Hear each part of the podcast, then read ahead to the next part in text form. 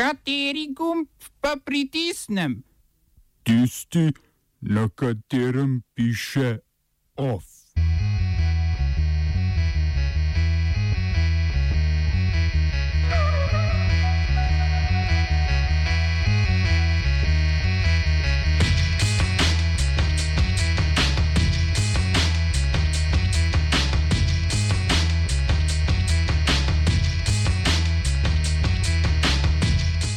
Japonska vlada odpira vrata država tujim delavcem.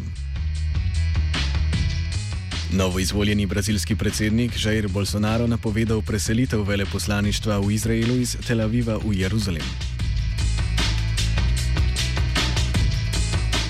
Po 12 letih ponovno vzpostavljena letalska povezava Skopje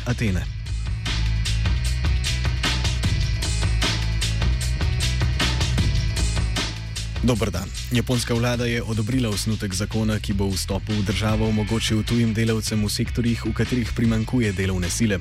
Predlagan zakon predvideva razdelitev delavcev v dve vizumski kategoriji, glede na kvalificiranost delavcev in raven znanja japonskega jezika. Po prvi kategoriji bodo tujci lahko delo dobili za največ pet let, z njimi pa v državo ne bodo smeli priti njihovi družinski člani, medtem ko druga kategorija ne predvideva omejitev bivanja v državi. Japonska je sicer že v preteklih letih zaradi starajočega prebivalstva začela odpirati meje tujim delavcem, a so to sedaj bili predvsem visoko kvalificirani strokovnjaki. Če bo zakon potrjen, bi po nekaterih ocenah število tujih delavcev v državi, to je trenutno okoli 1,28 milijona, naraslo tudi za pol milijona.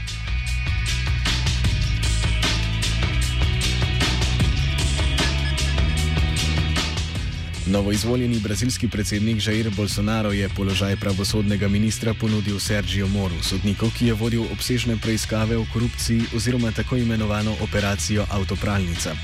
Preiskava je razkrila številne podkupnine, vezane na državno naftno podjetje Petrobras, posledično pa do dobra pretresla brazilsko politiko, saj so se med obsojencimi znašli tudi nekateri obrazi politične elite. Med drugim zaporno kazen prestaja bivši predsednik Luis Inacio Lula de Silva, ki mu je bilo prepovedano kandidirati za predsedniški mandat. Prek političnih trupel, ki jih je za sabo pustila avtopralnica, je do zmage prilezel domnevno neoporični Bolsonaro.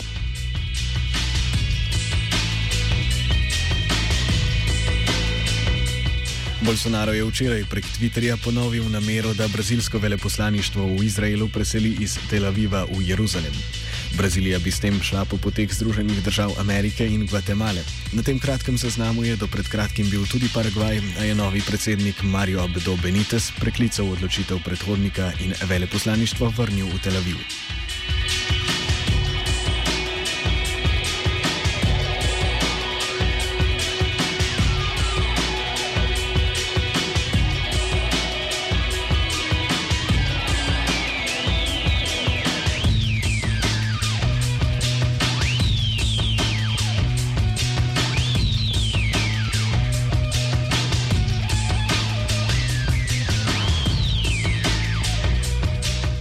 Francosko inženirsko podjetje Ingerop je oznanilo, da so hekerji v napadu nezakonito pridobili dostop do 65 GB zaupnih dokumentov. Gre predvsem za načrte projektov povezanih z jedrskimi elektrarnami, zapori ter tramvajskimi omrežji. Ingerop je bil v preteklih mesecih sicer deležen kritik proti jedrskih aktivistov zaradi načrta podzemnega odlagališča jedrskih odpadkov, ki bi se nahajal v bližini francosko-nemške meje. Francija je sicer v Evropi država z največ jedrskimi elektrarnami, medtem ko se je Nemčija zauzela, da do leta 2022 zapre vse trenutno delujoče elektrarne.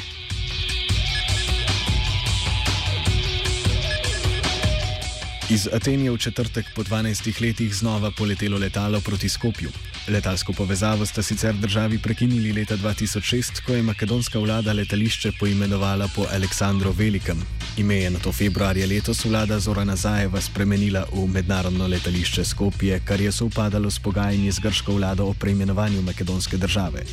Spomnimo, da je oktober makedonski parlament podprl predlog, da se začne postopek spreminjanja ustave z namenom spremembe imena države.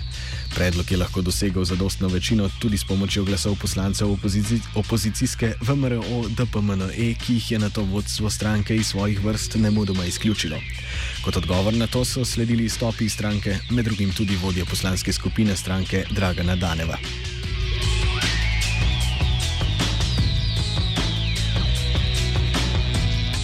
Na udarec stranki VMRO do PMNE je zadalo kazansko sodišče v Skopju, ki je na zahtevo posebnega toživstva zamrznilo del njenega premoženja.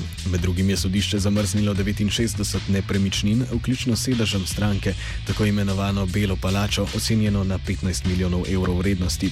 Preiskava toživstva se osredotoča na domnevno nelegalne donacije, ki jih je stranka prejela v obdobju od leta 2009 do 2015, ko je stranko vodil Nikola Grojevski. Ta naj bi donacije uporabljal za financiranje stranke in nakupe nepremičnin. Grojevski je bil sicer zaradi zlorabe javnih financ pri nakupu avtomobila znamke Mercedes-Benz v vrednosti 600 tisoč evrov obsojen na dve leti zapora.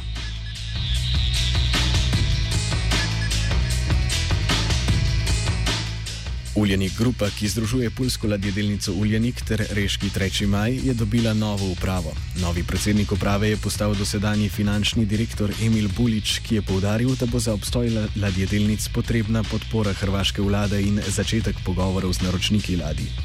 Delavci pulske ladjedelnice sicer stavkajo od 22. oktobra dalje, ko je potekel zakonski rok za izplačilo septembrskih plač, medtem ko so v 3. maju za ponedeljek napovedali protestni shod v središču reke. Oba, če, če bom odgovoril na angliški. Uh, uh, Slovenija bo poskušala pomagati. Slovenija bo naredila naš utmost, da bo rekla, da je situacija naš problem, ourselves. In da bomo naredili nadaljnje korake, as soon as the conditions are zelo, zelo resni. News from Slovenija. We know how and we will. Peace, ljubav, Bog.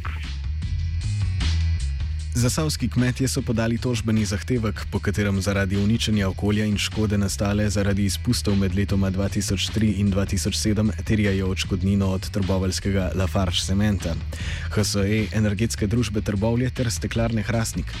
Pri tem ne gre za novo tožbo, ampak za nadaljevanje tožbe, ki so jo zasavski kmetje podali že leta 2007.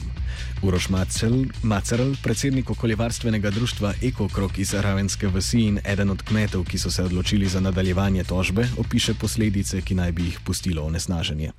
Kak boljši dokaz še lahko dobiš kot to, da ti na kmetiji izvajajo redne meritve, ki izmirijo ekstremne prekoračitve žvepla, prahu, in ostalih strupov, in da ti v bistvu na sadnem drevju, na poljščinah, na gozdu vidiš ožige, sušiseti sadje, eh, detelje, ki jih gledaš na travniku, so ožgane, živali imajo driske, zvrgavajo, mi smo kupico problemov eh, in recimo krma se je izredno kadila, posledica seveda hudih, hudih eh, izrednih dogodkov, ki so se dogajale prahu je bilo včasih v eni noči, da si ga zjutraj kar z roko pomedel z mize.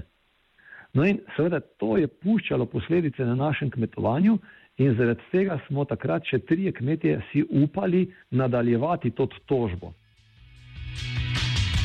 Macerl se ob tem sklicuje na meritve, ki so bile opravljene na merilni postaji na njegovi zemlji. Zasavski kmetje so sicer leta 2016 v tožbi proti Lafarge cementu, termoelektrarni Trbovlje, steklarni Hrastnik in tovarni kemičnih izdelkov po 21 letih slavili in dobili 2 milijona evrov odškodnine.